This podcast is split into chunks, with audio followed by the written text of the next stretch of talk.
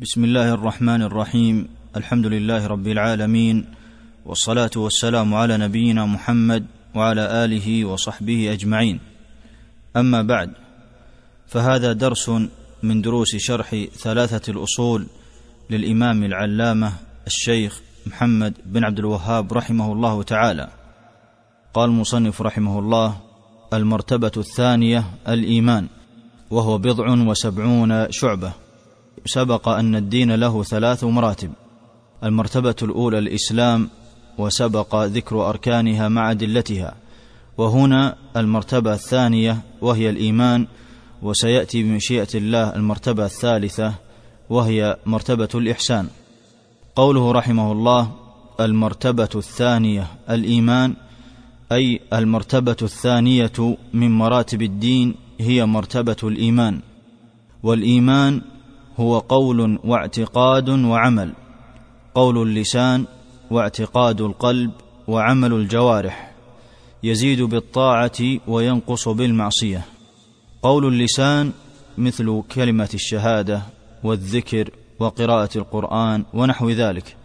واعتقاد القلب أي بما يعتقده من وحدانية الله وما جاء من الإيمان بالملائكة والكتب والرسل والإيمان باليوم الآخر والإيمان بالقدر.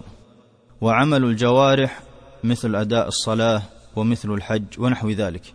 يزيد بالطاعة يعني كلما ازداد الإنسان من الطاعات فإن الإيمان يزيد. وينقص بالمعصية أي أن الإنسان إذا اقترف معصية فإن إيمانه ينقص. كما قال عز وجل إنما المؤمنون الذين إذا ذكر الله وجلت قلوبهم. وإذا تليت عليهم آياته زادتهم إيمانا وعلى ربهم يتوكلون. فتلاوتهم للقرآن زادتهم إيمانا فدل على أن الإيمان يزيد بالطاعة وينقص أيضا بالمعصية. فدخل في الإيمان جميع المأمورات سواء كان من الواجبات أو المستحبات. ودخل فيه أيضا ترك جميع المنهيات. فما من خصلة من خصال الطاعات إلا وهي من الإيمان مثل الصلاة والزكاة والحج هذه من خصال الإيمان. فما من خصلة من خصال الطاعات إلا وهي من الإيمان ولا ترك محرم من المحرمات إلا وهو من الإيمان. فترك الكذب من الإيمان وترك إخلاف الوعد من الإيمان. وهكذا كل أمر محرم يتركه الإنسان فإنه من الإيمان. قال رحمه الله وهو بضع وسبعون شعبة فأعلاها قول لا إله إلا الله وأدناها إماطة الأذى عن الطريق والحياء شعبة من الإيمان. قوله رحمه الله وهو بضع وسبعون شعبة أي أن الإيمان بضع وسبعون شعبة. وهذا هو لفظ الحديث الذي رواه الإمام مسلم من حديث أبي هريرة رضي الله عنه. ورواه البخاري من حديث أبي هريرة أيضا بلفظ بضع وستون وورد عند مسلم برواية أخرى بالشك بضع وستون أو بضع وسبعون. قال ابن حجر رحمه الله إن المعول على المتيقن وهو الأقل وهو بضع وستون والبضع من الثلاثة إلى التسعة والشعبة هي الطائفة من الشيء والقطعة منه.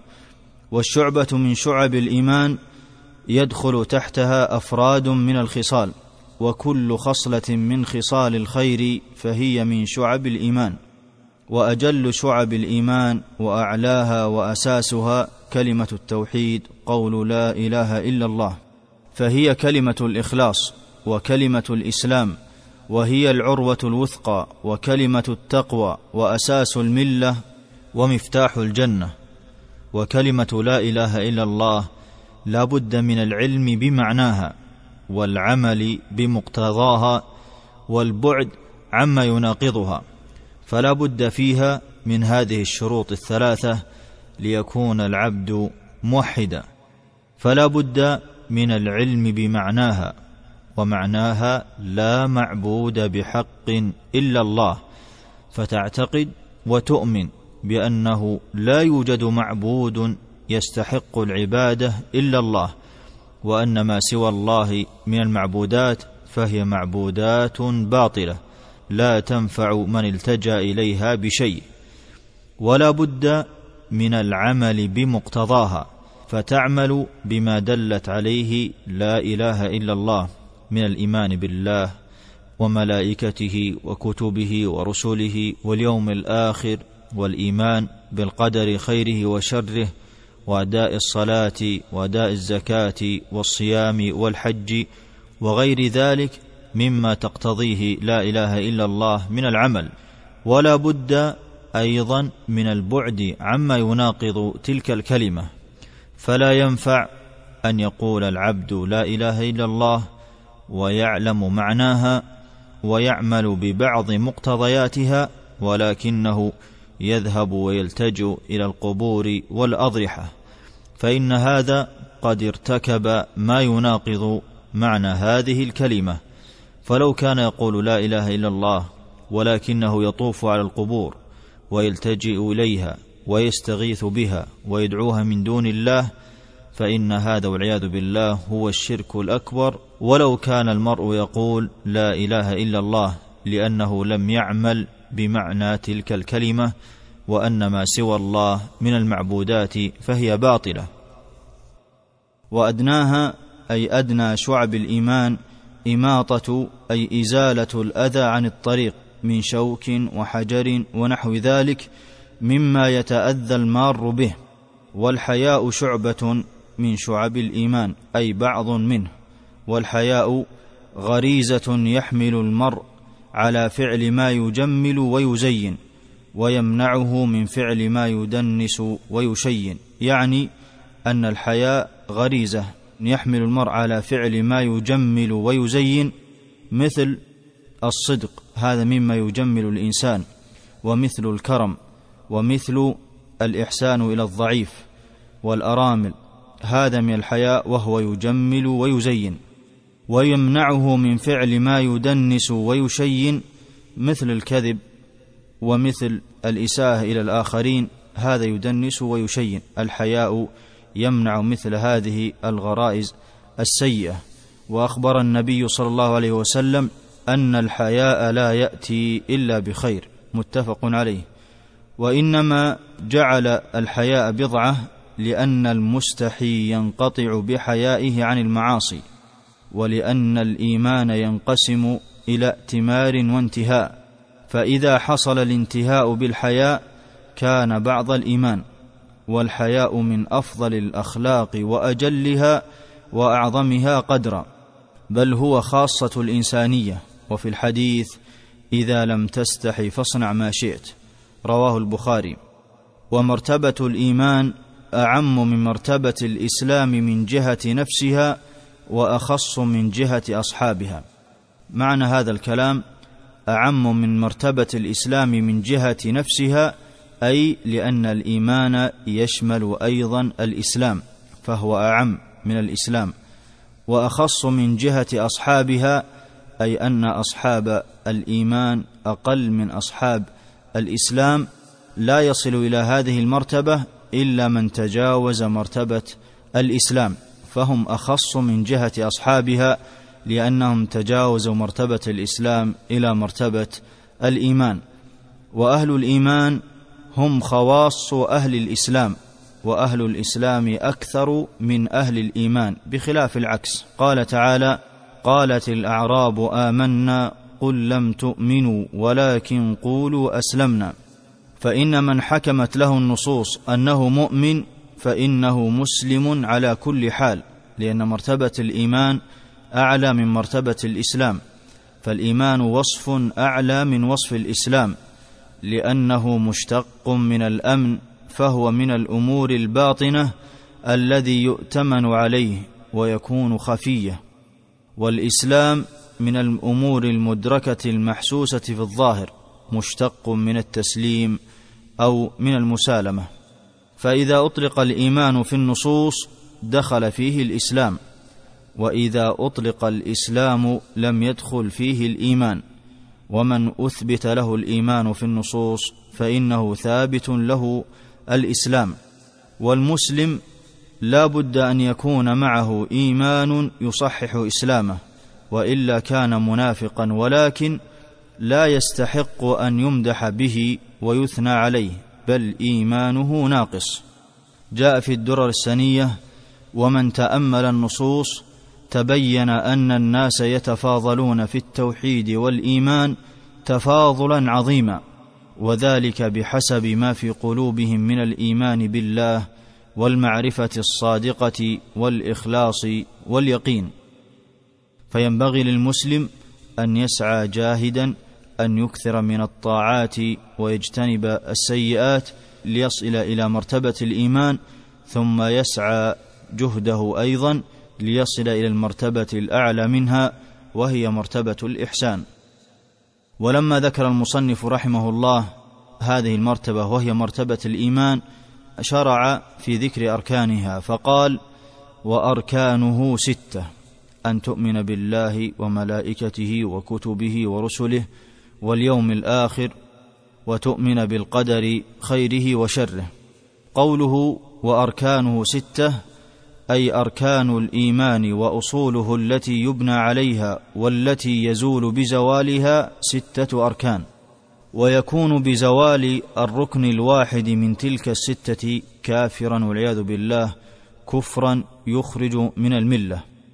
فلو زال الإيمان بالملائكة لا يكون الرجل مسلما بل يخرج من دائرة الإيمان والإسلام إلى دائرة الكفر. وما عداها من الشعب فإنه لا يزول بزواله. فمثلا لو لم يمط الإنسان الأذى عن الطريق فإنه لا يخرج من دائرة الإيمان. لكن منها ما يزول بزواله كمال الإيمان الواجب مثل صلة الرحم ونحو ذلك فهي من الإيمان. فإذا ترك المرء تلك الخصلة فإنه نقص منه الإيمان الواجب ومنها ما يزول بزواله كمال الإيمان المندوب مثل ترك السواك فإنه قد ترك الإيمان المندوب الذي حث عليه النبي صلى الله عليه وسلم. قال رحمه الله وأركانه ستة أن تؤمن بالله أي الركن الأول من أركان الإيمان أن تؤمن بالله والإيمان بالله أعظم أركان الإسلام وأساسه وما بعده من الأركان مندرج في هذا الركن وداخل فيه وهذا الركن وهو الإيمان بالله هو أصل الأصول ويتضمن الإيمان بربوبية الله وبألوهيته وبأسمائه وصفاته. والإيمان بربوبية الله هو إفراد الله بأفعاله من الخلق والرزق والتدبير والإحياء والإماتة وغير ذلك من أفعاله جل وعلا. فإذا اعتقدت أن الخلق والرزق والتدبير والشفاء ونحو ذلك اعتقدت أن ذلك من أفعال الرب فقد حقق توحيد الربوبية. فنؤمن أنه لا يحيي ولا يميت ولا يخلق ولا يرزق سواه. وهذا هو توحيد الربوبية. والإيمان بتوحيد الألوهية هو إفراد الله بأفعال العباد. فلا يصرف العبد أي عبادة لغير الله جل وعلا من الطواف والدعاء والصلاة وغير ذلك من أنواع العبادة. فكل عبادة أمر الله بها يجب أن تصرف لله فإذا صرفت لله فقد حقق العبد توحيد الألوهية مع إيمانه بأن عباده من سواه عبادة باطلة. ومما يشمله الإيمان بالله الإيمان بتوحيد الأسماء والصفات وهو إثبات ما أثبته الله لنفسه من الأسماء والصفات وما أثبته له رسوله صلى الله عليه وسلم. من غير تحريف ولا تعطيل ومن غير تكييف ولا تمثيل بل نؤمن بأن الله ليس كمثله شيء وهو السميع البصير. فنؤمن بأن الله عز وجل يسمع ونؤمن بأن الله سبحانه وتعالى يبصر ونؤمن بأن الله تعالى حكيم وخبير. وغير ذلك من الأسماء والصفات التي جاءت بها النصوص. قوله رحمه الله وأركانه ستة أن تؤمن بالله وملائكته. سبق ذكر الإيمان بالله والركن الثاني من أركان الإيمان الستة أن تؤمن بملائكته.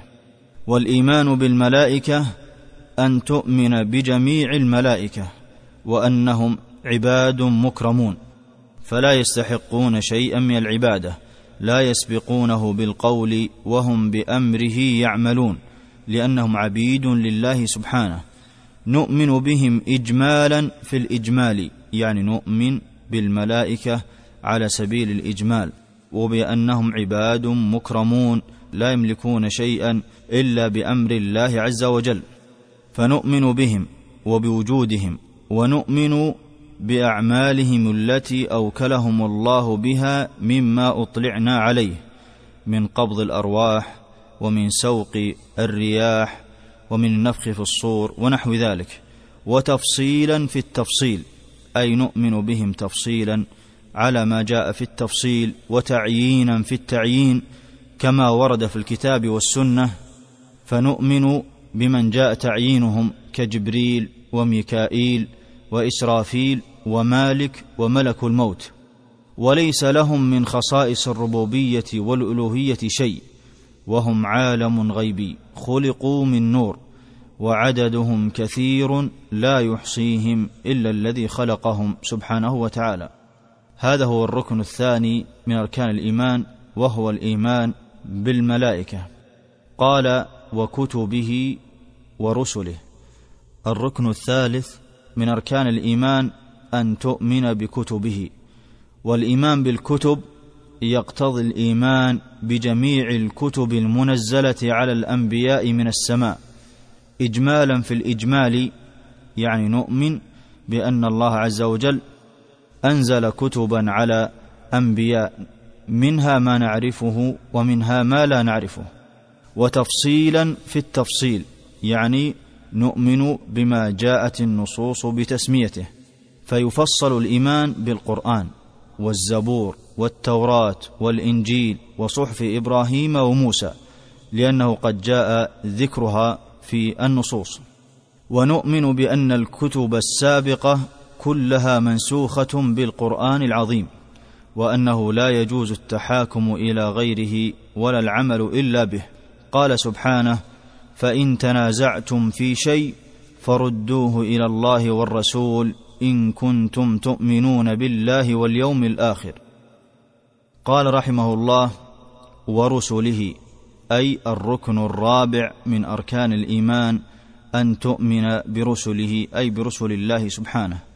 والإيمان بالرسل يقتضي الإيمان بجميع الرسل اجمالا في الإجمال كما قال سبحانه ورسلا قد قصصناهم عليك ورسلا لم نقصصهم عليك فنؤمن بأن الله أرسل رسلا ولكنه لم يقصهم علينا. وتفصيلا في التفصيل فنؤمن بمن جاء تفصيلهم في الكتاب والسنة على التعيين. وأعظم ذلك الإيمان بنبينا محمد صلى الله عليه وسلم. وممن يؤمن بهم تفصيلا أولو العزم من الرسل وهم نوح وإبراهيم وموسى وعيسى ومحمد صلى الله عليه وسلم. ونؤمن بغيرهم ممن سمى الله في كتابه أو على لسان رسوله عليه الصلاة والسلام. ونؤمن بما لم يسم في النصوص. ولا نفرق بين أحد منهم في الإيمان كما قال سبحانه لا نفرق بين أحد من رسله أي في الإيمان بهم أي نؤمن بهم جميعا. والإيمان بهم فرض.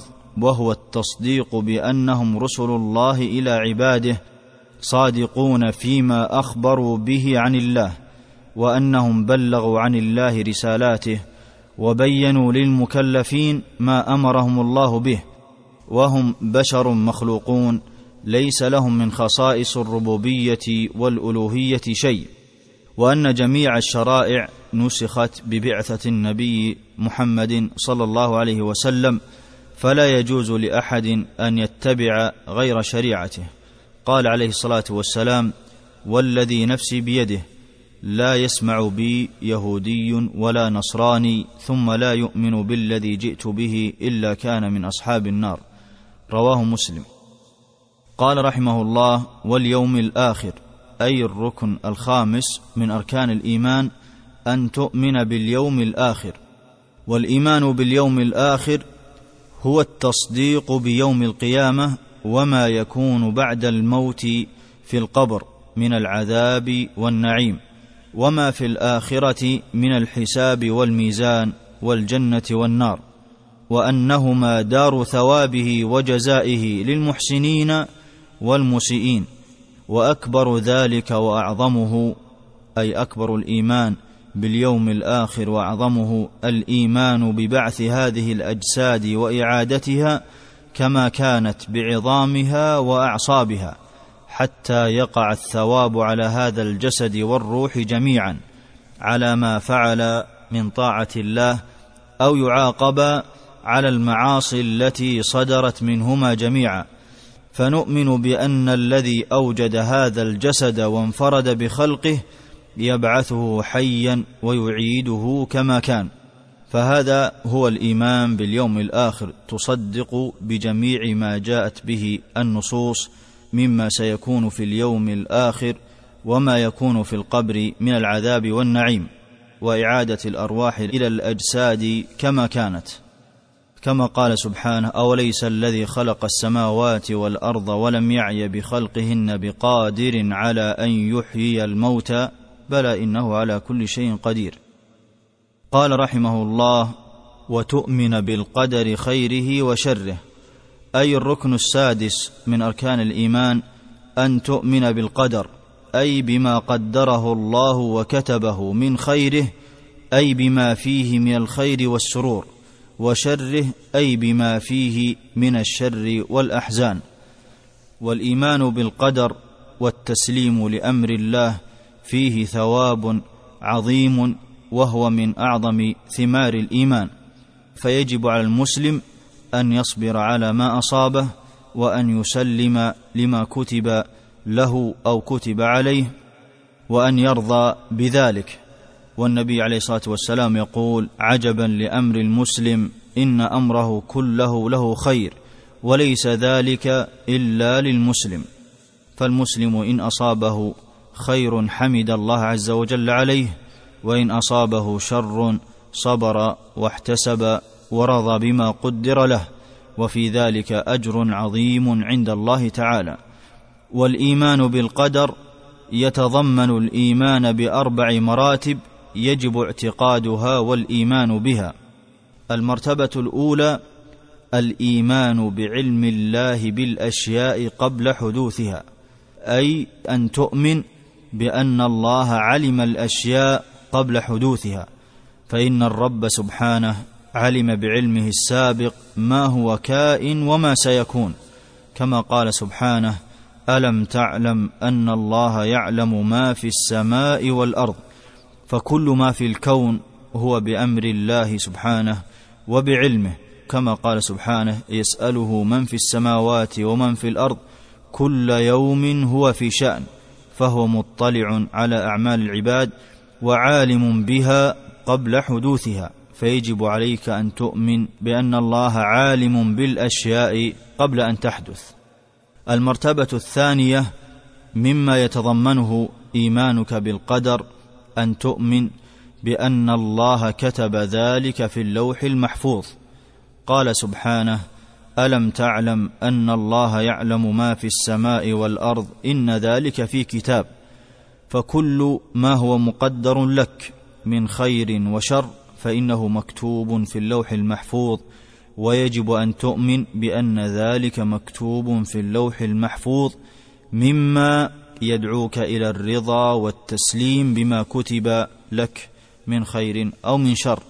قال عليه الصلاة والسلام كتب الله مقادير الخلائق قبل أن يخلق السماوات والأرض بخمسين ألف سنة وكان عرشه على الماء. رواه مسلم. فكل ما في هذا الكون هو مكتوب في اللوح المحفوظ فتؤمن بذلك. ومما يتضمنه أيضا الإيمان بالقدر الإيمان بأن ما شاء الله كان وما لم يشأ لم يكن. فلا يقع في ملك الله سبحانه إلا ما أراده جل وعلا. قال سبحانه وربك يخلق ما يشاء ويختار وقال جل وعلا وما تشاءون إلا أن يشاء الله وقال جل شأنه ويفعل الله ما يشاء فأنت تؤمن بأن ما وقع هو بأمر الله سبحانه وتعالى لأنه مالك الكون وهو الذي شاء حدوث هذا الأمر فتؤمن وتسلم بالقضاء والقدر.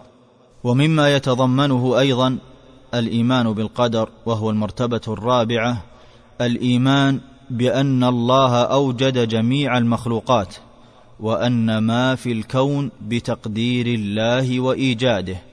قال تعالى الله خالق كل شيء وقال عز وجل وخلق كل شيء فقدره تقديرا فهو سبحانه هو الذي أوجد جميع الخلق وما في هذا الكون هو بتقدير الله سبحانه وإيجاده فتؤمن وترضى وتسلم بما كتب عليك من المصائب والأحزان والأقدار. ولا يصير المرء مؤمنا بالقدر إلا بهذه الأربعة الأشياء مجتمعة. وقد جمعها الناظم في قوله علم كتابة مولانا مشيئته وخلقه وهو إيجاد وتكوين. علم وهو الإشارة للمرتبة الأولى العلم. كتابة مولانا إشارة إلى المرتبة الثانية وهي الكتابة.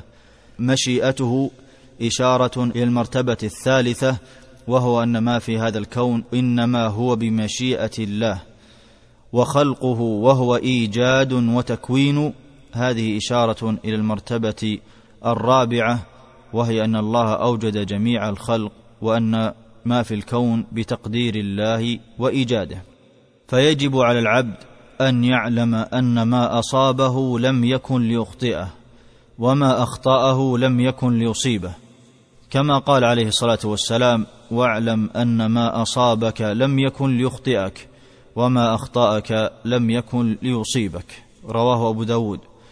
والمؤمن بالقدر يفوض أموره كلها لله ولا يعتمد على السبب نفسه لأن كل شيء بقدر الله وإيمانه بذلك يثمر له الطمأنينة والراحة بما يجري عليه من أقدار الله لأن ذلك بقدر الله الذي له ملك السماوات والأرض كما قال عليه الصلاة والسلام عجبا لأمر المؤمن كله خير رواه مسلم. وما خلقك الله عز وجل في هذه الدنيا إلا لابتلائك. قال سبحانه الذي خلق الموت والحياة ليبلوكم أيكم أحسن عملا. وقال جل وعلا أحسب الناس أن يتركوا أن يقولوا آمنا وهم لا يفتنون. وقال عز وجل أم حسبتم أن تدخلوا الجنة ولما يعلم الله الذين جاهدوا منكم ويعلم الصابرين فخلقت في هذه الدار للابتلاء والامتحان فيجب عليك الصبر على أوامر الله والصبر عن معاصي الله ويجب عليك الصبر على أقدار الله واعلم أن الله عز وجل مع الصابر وأن الصابر يوفى أجره بغير حساب. قال ابن القيم رحمه الله ولو لم يأتك من مزية الصبر إلا أن الله مع الصابر لكفى به مزية. كما قال سبحانه إن الله مع الصابرين. وإلى هنا نأتي إلى نهاية درس من دروس شرح ثلاثة الأصول للإمام العلامة الشيخ محمد بن عبد الوهاب رحمه الله. وصلى الله وسلم على نبينا محمد وعلى آله وأصحابه أجمعين. تم تنزيل هذه المادة من موقع نداء الإسلام www.islam-call.com